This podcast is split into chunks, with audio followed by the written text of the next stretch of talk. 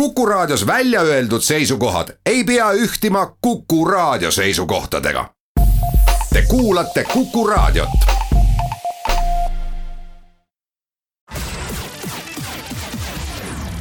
nädala Tegija.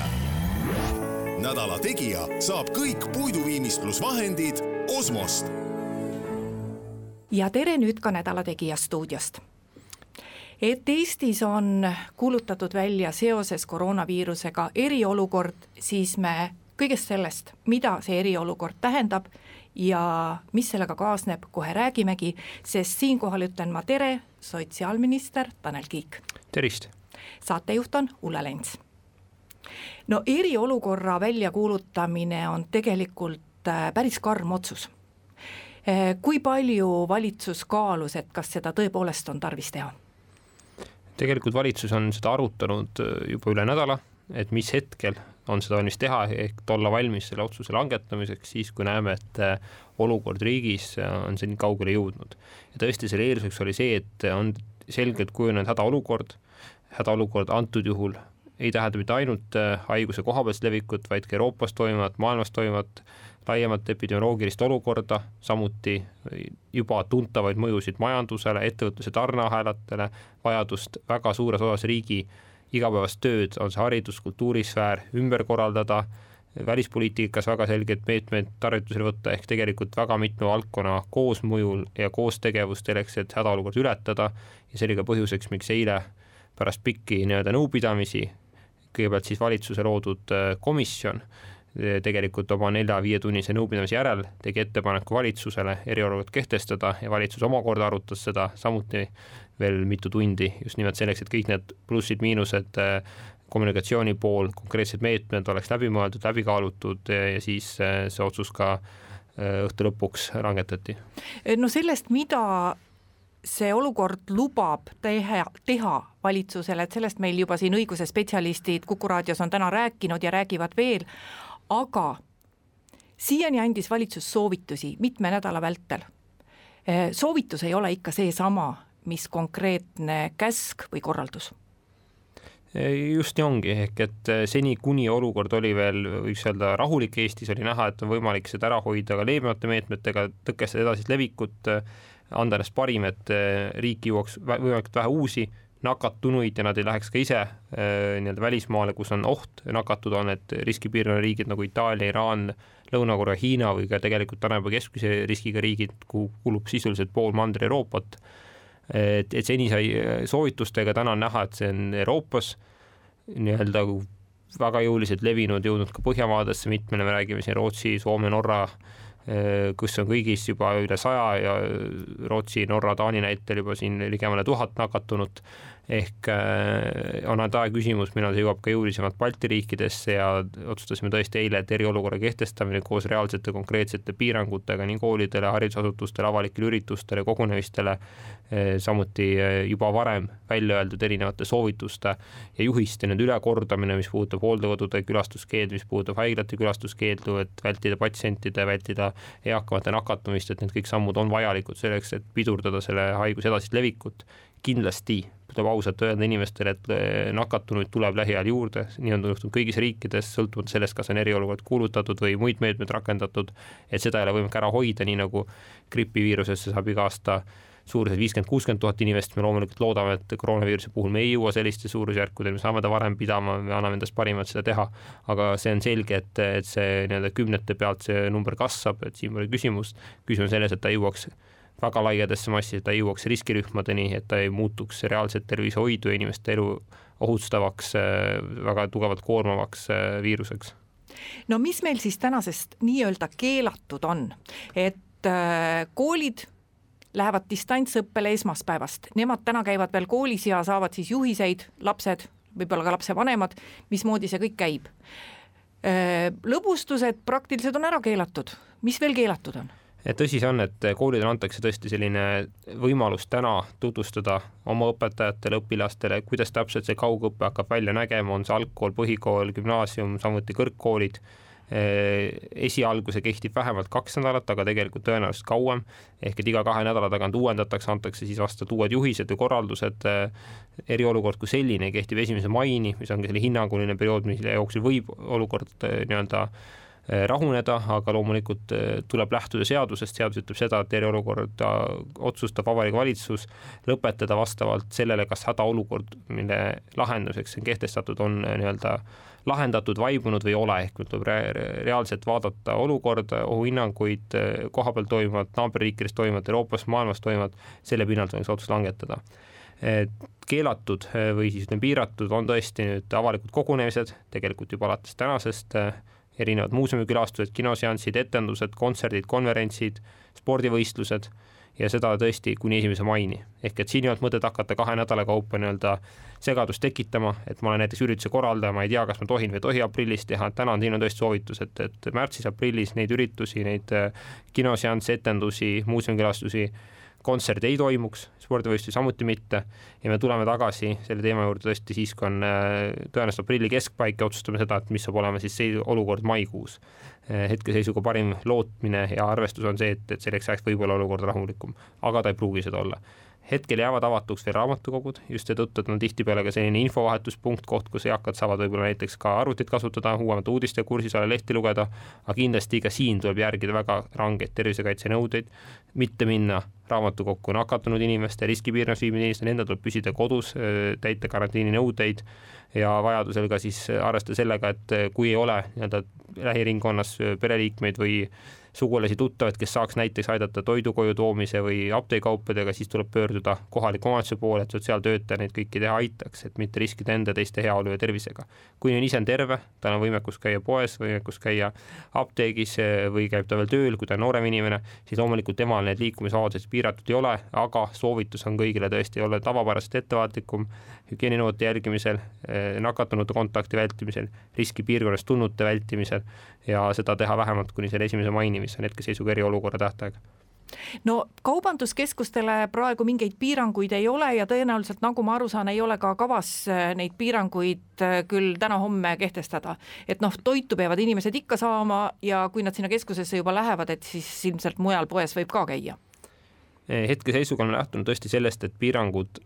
oleksid võimalikult mõjusad, aga samal ajal ei oleks takistatud inimeste igapäevaelu. ehk aru saada, et inimesed vajavad endiselt toitu, inimesed vajavad endiselt äh, võib-olla riideid, jalanõusid, me peame vaatama sellest, mis on ohuhinnang, mis on kohapealne pilt, see, et tulevikus võib olla vajadus piirata näiteks mingite muude võib-olla kaupluste tegevust, äh, võib-olla mingite muude,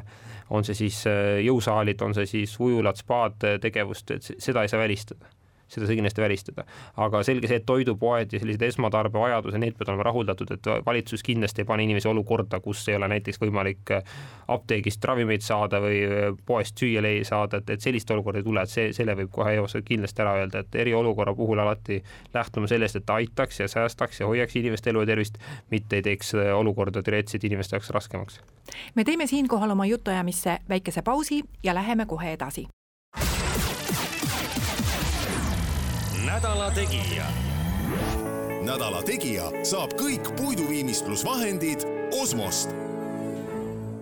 Nädala Tegija saade läheb edasi, stuudios on sotsiaalminister Tanel Kiik. No nagu me rääkisime, siis olukord muutub väga ruttu ja kui vaadata Terviseameti tänahommikusi andmeid, siis nakatunute arvu kasv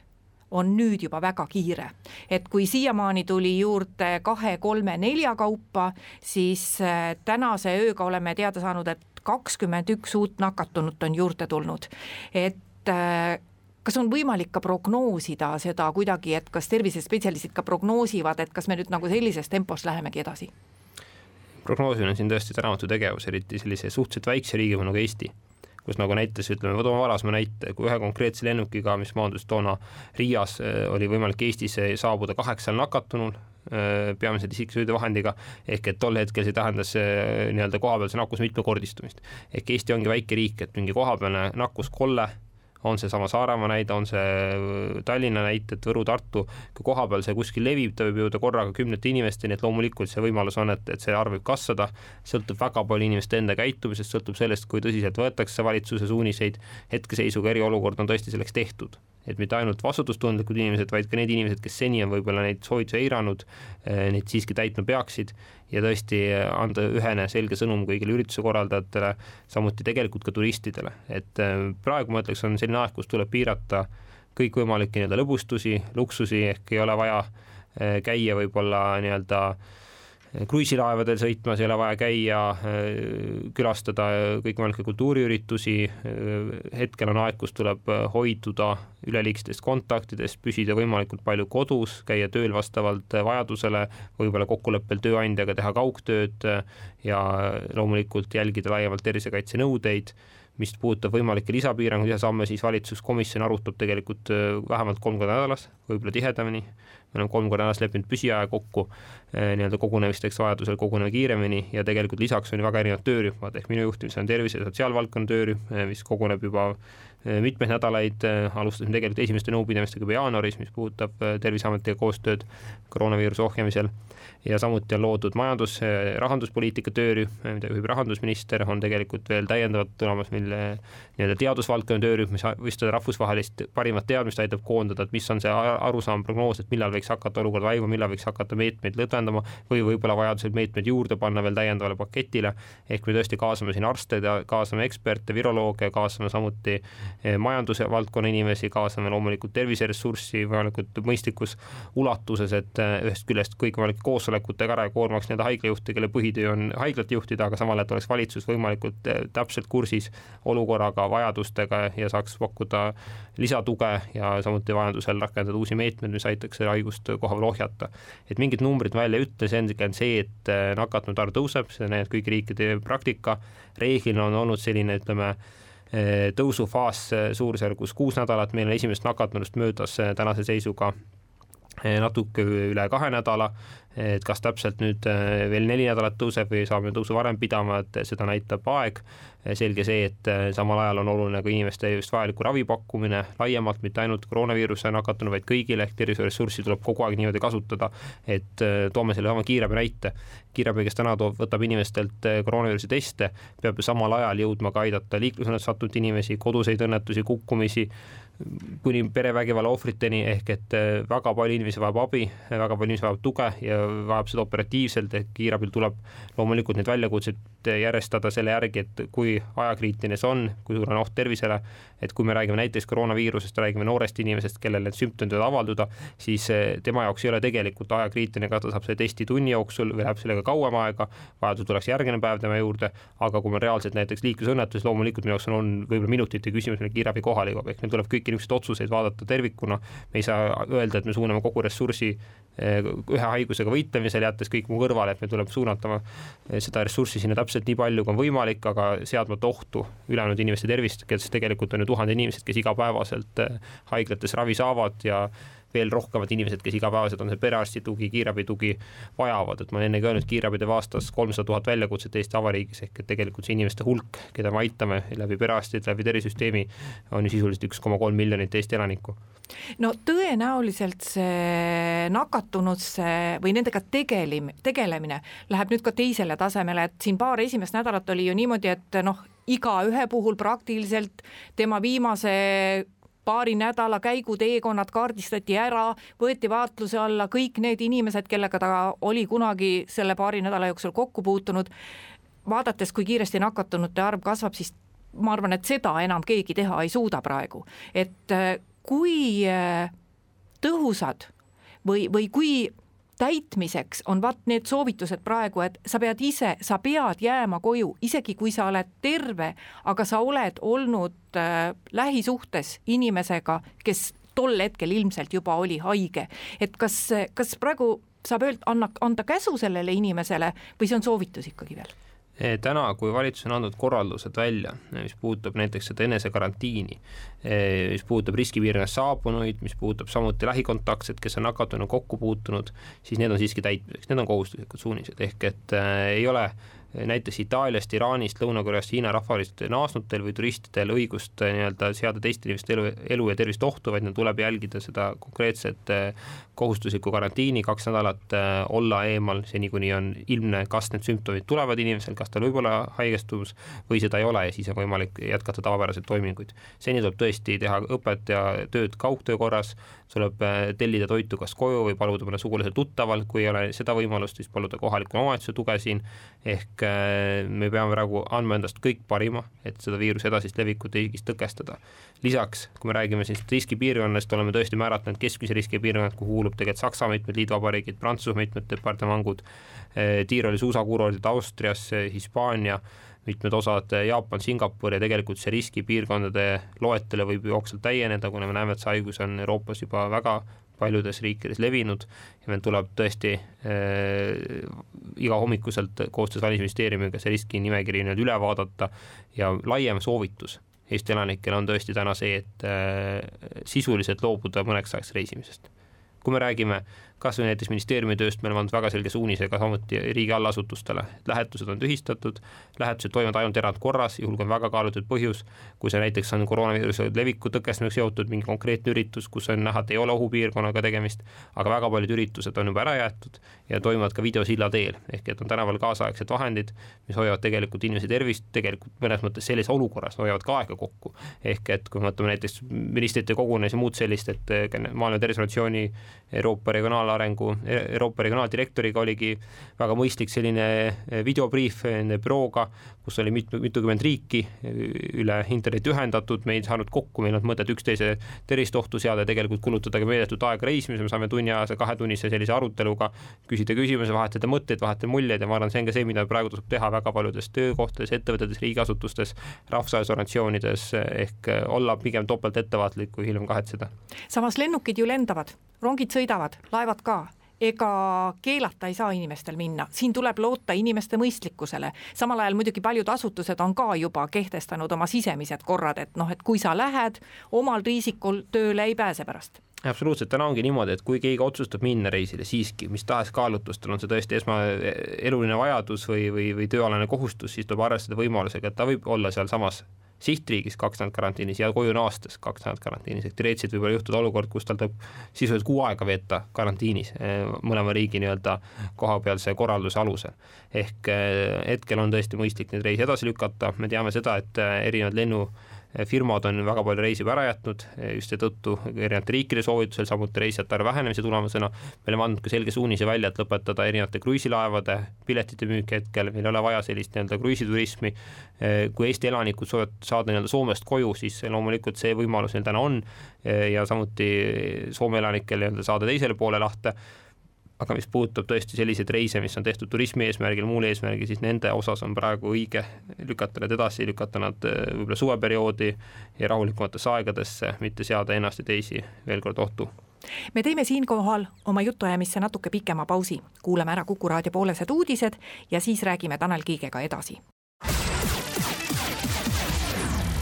nädala Tegija. nädala Tegija saab kõik puiduviimistlusvahendid Osmost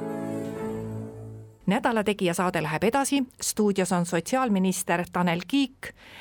meie jutt jäi pooleli reisimise juures. Mis meil praegu piiridel toimub, et äh, meil ju nagu otsest tõkestamist piiridel ei ole, aga et millega piiri ületades tuleb arvestada, me teame, et lennujaamas saab ja on nagunii kontroll olemas, seal on meil ka termokaamerad, täpselt samamoodi ka sadamates, sadamas, aga et mida, mida piiril praegu inimesega tehakse ja kas võib juhtuda, et ka need meetmed piiri ületades lähevad karmimaks? hetkeseisuga on niimoodi, et juba mõnda aega toimub piiridel tõesti selline äh, infomaterjalide jagamine, toimub vajadusel nii-öelda tervisenõustamine, kraadimine ja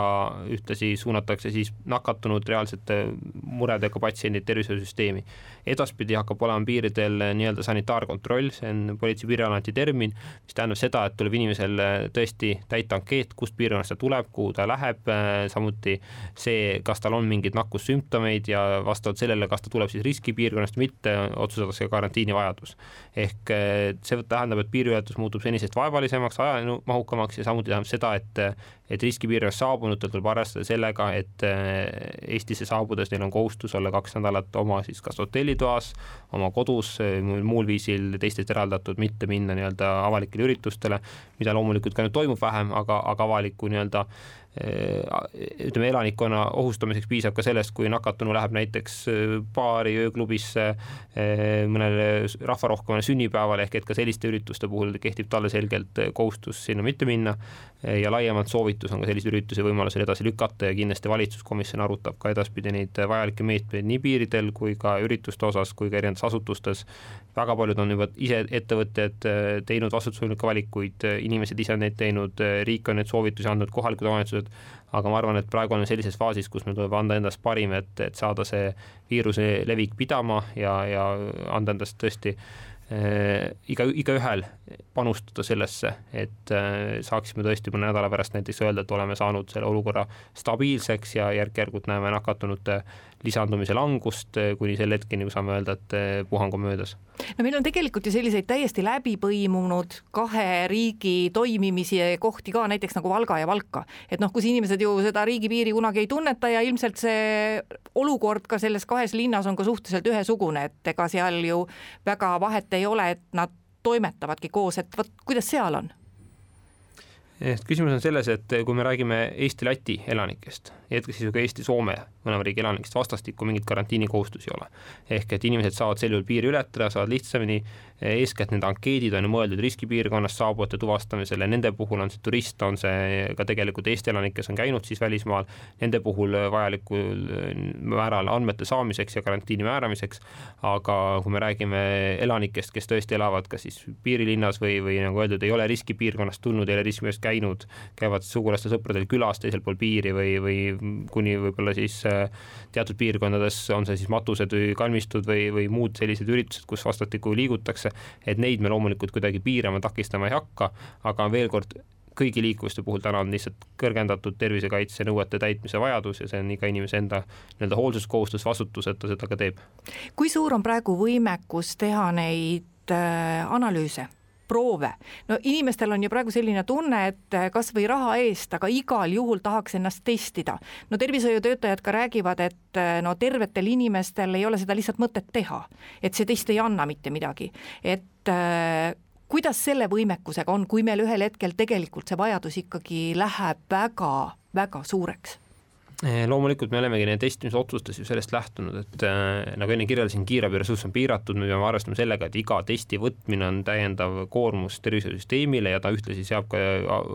ütleme, seab ka vajaduse, kohustuse kasutada isikukaitsevahendeid. isikukaitsevahendid täna riigis on piiratud. ehk et iga kord, kui kiirabi teeb väljakutse, tuleb pärast seda jälle vahepeal kantud äh, varustus nii-öelda äh, utiliseerida, taas uus kaitsevahend, varustus võtta järgmisele väljakutsele minna, ehk et ei saa ju riskida ka sellega, et, et tervishoiutöötaja ise hakkab levitama seda haigust, me peame iga kord välistama võimaluse, et mõni inimene saab selle haiguse hoopiski eh, läbi sellise nii-öelda vahendamise, ehk et see, seetõttu on need isikukaitsevahendid kasutusel väga karmid nõuded tervishoiusüsteemis, väga karmid eh, nii-öelda eeskirjad, mida tuleb järgida ja neid järgime ka praegu. ehk see on üks argument, teine küsimus on tõesti see, et kui me räägime tervetest inimestest, kui me räägime nendest, kes on riskimärgist tulnud, aga mingeid sümptomeid ei ole, siis nende testimine annab ka üldjuhul juhul alati negatiivse tulemuse ja meil on ka Eestis juba olukordi, kus inimene on omale taotlenud seda testi, on selle ka saanud, esialgu on saanud negatiivse tulemuse, on läinud aega mööda, sümptomid on ilmnenud ja siis ta on teinud uue testi ja siis on saanud positiivse tulemuse. aga seetõttu ongi mõistlik lähtuda tervishoiuekspertide hinnangutest, mitte anda teste siis, kui neil pole mõtet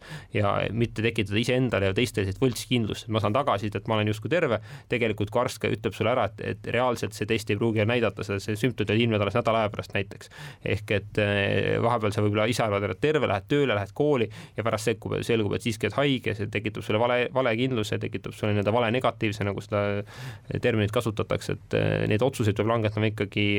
valdkonna eksperdid, Terviseameti ja haiglate teadlaste koostöös, et mis on see mõistlik testide määramine ja siis selle aluse häirekeskus saab vastavalt kas kiirabi välja saata või mitte. miks me ei tee nii-öelda selliseid suuri staape või kogunemisi, on see, et näiteks võtame näite, et kui me kutsuksime inimesed kas EMO-sse või mujale neid teste tegema, siis me automaatselt seaksime ohtu ju kõik ülejäänud EMO-s viibijad, me kutsuksime kokku sisuliselt ju väga palju nakatunud inimesi või potentsiaalselt nakatunuid, kellest enamikul küll seda ei ole, aga omavahel kohtudes nad võivad seda viirust ikkagi jagada, ehk me tegelikult võiksime tekitada olukorra, kus inimene tuleb testi tegema tervena, lahkub sealt näiteks viiruse kandjana. ehk et eh, selliseid olukordi vältida, seetõttu on siin väga karmid hügieeni ja tervisekaitse nõuded nende testide läbiviimisel, elluviimisel. kui inimene on kodus, tal on reaalselt mingid nõrgemad sümptomid või tal on kahtlus ja talle veel testi ei määrata, siis ongi mõistlik oodata, mõistlik sõltumata sellest, kas on koroonaviirus või muu, muud äh, viirused, ollagi kodus, mitte nakatada teisi ennast ravida vastavalt perearsti soovitustele koroonaviiruse jaoks ei ole täna imeravimit, on olemas erinevad äh, sümptomipõhised lahendused, on see paratsetamool palaviku langetamiseks, on see konkreetsed köharohud, ehk et äh, kui inimesel on nõrgad sümptomid, siis tegelikult see ravi ei sõltu sellest, mis on äh, tema nii-öelda testi tulemus. ravi on täpselt samasugune, isegi siis, kas on koroonaviirus, on see või muu tõvi, äh, aga kui inimesel muidugi loomulikult tõsisem tervisehäda, me näeme väga kõrget palavikku, me näeme näiteks äh, tugevaid sümptomeid kuni kopsupõletikuni välja, sellisel hetkel loomulikult kiirabi see testi teeb, vajadusel inimene hospitaliseeritakse, talle ravi pakutakse, ehk siin tulebki lähtuda sellest, mis on reaalne olukord, mis on tegelik vajadus ja nagu öeldud, siis kiirabil peab ju kogu Eesti elanikkonna tervisevajadusi katma ja kõiki neid väljakutseid teenindama, mis Eesti riigis on, kõikvõimalike õnnetuste, kukkumiste, vägivallajuhtumite, haiguste, infarktide, kõikvõimalike eh, muude tervisemurede korral. me teeme ühe pausi oma saatesse veel ja kohe jätkame. nädala Tegija. nädala Tegija saab kõik puiduviimistlusvahendid Osmost nädala Tegija saade läheb edasi, stuudios on sotsiaalminister Tanel Kiik ja vot see on küll tagantjärgi tarkus, aga praegu tundub, et äh, see lollus, mis Saaremaal tehti selle võrkpallivõistluse puhul ja mille puhul siis ütleme, see tore hüüdlause võrk, võrkpall on võrratu, on saanud hoopis uue tähenduse,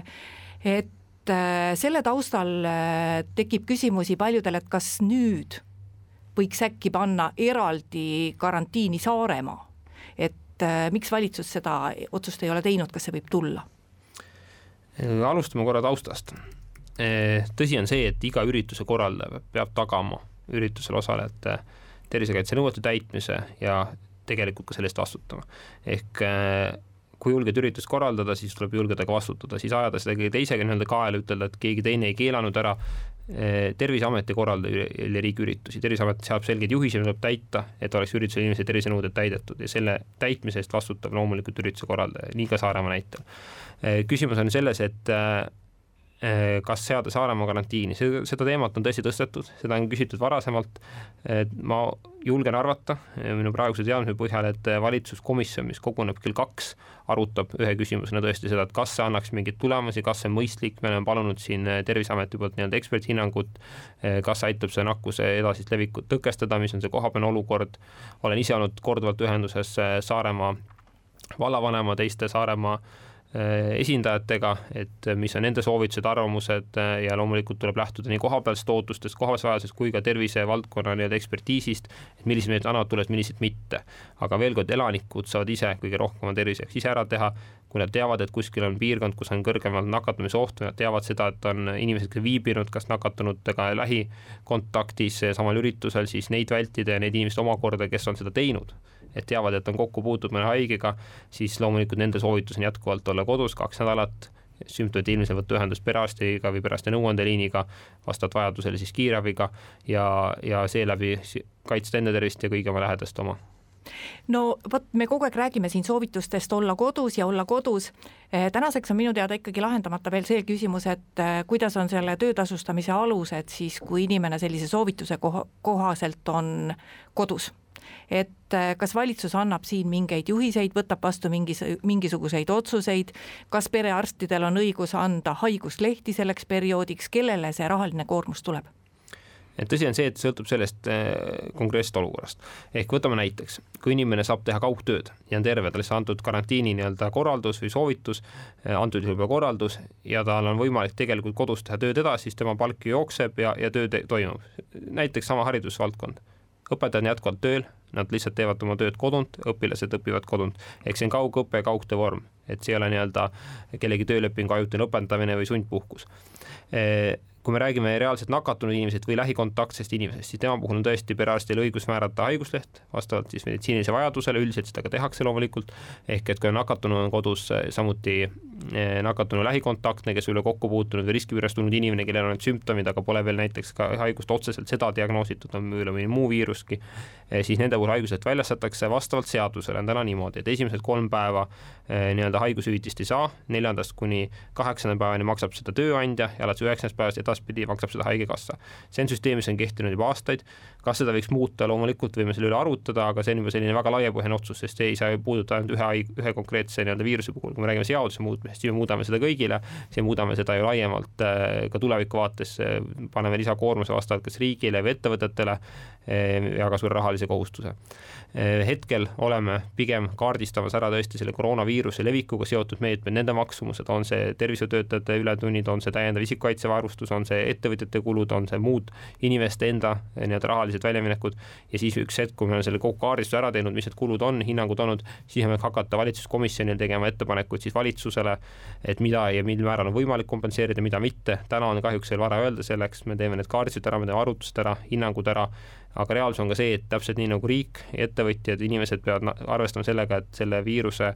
nii-öelda äh, kõige äh, vähemate kahjudega üleelamiseks tulebki kõigil millestki loobuda, tuleb kõigil natukene panustada ja tuleb võimaluste raames kas olla kodus, olla kaugtööl, vajadusel haiguslehel, äh, ka siis, kui see võib tähendada nii-öelda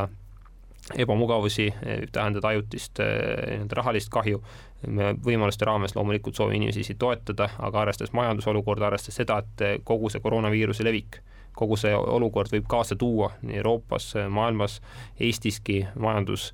kasvu aeglustumise, halvema majanduslanguse, tuleb meil ka selleks ju valmis olla. tuleb olla valmis ka selleks, et tuleb teha täiendavaid kulusid, tuleb olla valmis selleks, et haigekassa reservid võivad äh, minna käiku, sellepärast me ei suuda muidu tavalist äh, ravimahtu teenindada. ehk kõiki neid otsuseid tehes tuleb vaadata pikalt ette, me ei saa vaadata ainult läht-, hetkeolukorda, hetkerahalisi võimekusi, vaid hinnata selle mõjusid äh, lähikuudel võimalikult terve aasta kontekstis no meil on praegu läinud ses mõttes hästi, noh, nakatunuid on ju on ju ka mitte väga palju, aga ta on läinud hästi, keegi ei ole nii kõvasti haige, et kindlasti peaks olema haiglaravil ja noh, meil ei ole isegi see esimene üks õnnetu vist oli seal haiglas, ülejäänud ju kõik on ikkagi kodus. kui valmis on meie raviasutused selleks, et ühel hetkel kui nakatunute arv kasvab, võib tulla ka raskeid juhtumeid. Eh, kui palju meil on vabu voodikohti ja noh, neid ei saa ju panna ka niimoodi, et kõrval on mingi teine haige, nad peavad ju olema eraldatud, et kuhu nad viiakse, on see ainult Tallinn ära jaotatud kogu Eesti peale, missugused meie reservid on? Eh, tõsi on see, et kui me räägime nii-öelda nakkushaigustest ja reaalselt eh, nakkusohtlikest inimestest, siis nende puhul kasutatakse reeglina haiglates isolatsioonipalateid. isolatsioonipalateid kokku haigla Raekoja haiglates on üheksakümmend viis, vajadusel saab neid juurde teha, ehk et juhul, kui me näeme koroonaviiruse või mõne muu nakkusohtliku haiguse puhul nii-öelda hospitaliseerimise vajadust, siis on võimalik neid üheksakümmend viite palatit kasutada, osa neist on loomulikult ka täna käigus, erinevate nakkushaigete inimeste puhul on see koroonaviirus ja muud meet-, muud haigused hetkel me oleme hinnanud, et eh, see ressurss on piisav, kuna tõesti valdav osa inimesi läbib selle haiguse nii-öelda kergemate sümptomitega, osa inimesi läbib see nii, et neil ei olegi sümptomeid, ehk et ei tekigi selliseid eh, tervisemuresid. Ja nii-öelda hospitaliseerimist või suuremat haiglaravi vajab siin hinnanguliselt on arvutatud siin äh, viiest kuni kahekümne protsendini, sõltuvalt konkreetselt sellest, kas see haigestunu on nii-öelda riskirühmas vanuse mõttes ei ole, ehk eakamad inimesed pigem põevad seda raskust haigemalt, nende puhul, vabandust, raskemalt, nende puhul on tõesti vajadus äh, hospitaliseerida kõrgem, aga kui me räägime noorematest inimestest, räägime tegelikult ka lastest, täisealistest, siis reeglina nende puhul see haigus äh, väljendub köhas, väljendub palavikus, aga ei väljendu tõsistes hingamisraskustes, ei väljendu tõsistes kopsupõletikes, muudes sellistes tüsistustes, mille puhul tõesti ei ole vaja otseselt inimest haiglasse ravile tuua, vaid piisab sellest, kui ta on kodus, kui ta nii nagu muude viiruste puhul jälgib üldisi selliseid tervisekaitse soovitusi, raviarsti juhiseid, võtab vajalikke ravimeid, puhkab ja, ja saab sellest haigusest terveks, et, kui vaatame ka maailma näiteid, kui vaatame sedasama nii-öelda pilti, võib-olla kõige suurem näide ütleme numbriliselt on meil teadaolevalt Hiina, kus meil on ju kõige pikemalt see haigus olnud, alates siin detsembri lõpust, siis me teame seda, et Hiinas on juba ammu nii-öelda tervenenud inimesi oluliselt rohkem kui see nii-öelda haigusjuhtumite üldarv on, ehk me räägime umbes kaheksakümnest tuhandest juhtumist ja nendest suurusjärgus kuuskümmend viis tuhat tänaseks on ju tegelikult täielikult taastunud. aktiivsed on seal suurusjärgus viisteist tuhat ja kahjuks on kaasa toonud see üle kolme tuhande surma. ehk äh, selles vaates ongi ka Eesti puhul võimalik nii-öelda selliseid üldistusi teha, oletusi teha, et kui palju tegelikult vajab haiglaravi, kui palju on nii-öelda tõsises äh, olukorras ja kui palju äh, inimesi tegelikult põevad see haiguse kergemalt läbi. Itaalia näide on teine, kus on nagu suurem kogus, võib-olla Eh, Itaalia puhul on eripära see, et on väga palju kõrgemas eas nakatunud ja seetõttu on ka kahjuks surmajuhtumite arv olnud kõrgem, kuna seal tõesti on ka elanikkonna populatsioon eh, mõnevõrra keskmist eakam, eakaid inimesi ongi rohkem ja, ja antud juhul nad on selle nakkusega väga paljudes kohtades kokku puutunud, on see reisil viibides, on see erinevatel üritustel ja, ja selle läbi me näeme, et nii nakatunute nii-öelda selline vanuseline ülevaade on väga tugevalt eh, vanemaealine ja samuti loomulikult on see kahjuks kaasa toonud just nimelt surmajuhtumeid juba üle tuhande no te rääkisite, et te oma haldusalas ministeeriumi piires olete teinud ka soovitusi mitte käia komandeeringutes, kui see ei ole just vältimatult vajalik. no Riigikogu teeb oma otsused muidugi ise, aga kas valitsus annab ka soovitused või tervisetöö, tervishoiutöötajad, et võib-olla ei peaks see sada üks Riigikogu liiget seal Toompea lossi saalis ka praegu kogunema enam?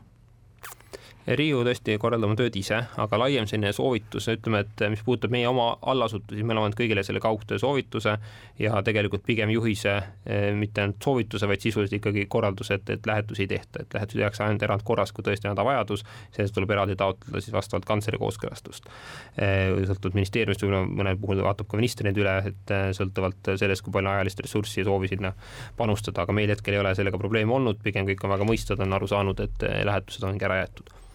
mis puudutab Riigikogu tööd tagasi tulles siia, siis eh, eeskätt on ka siin iga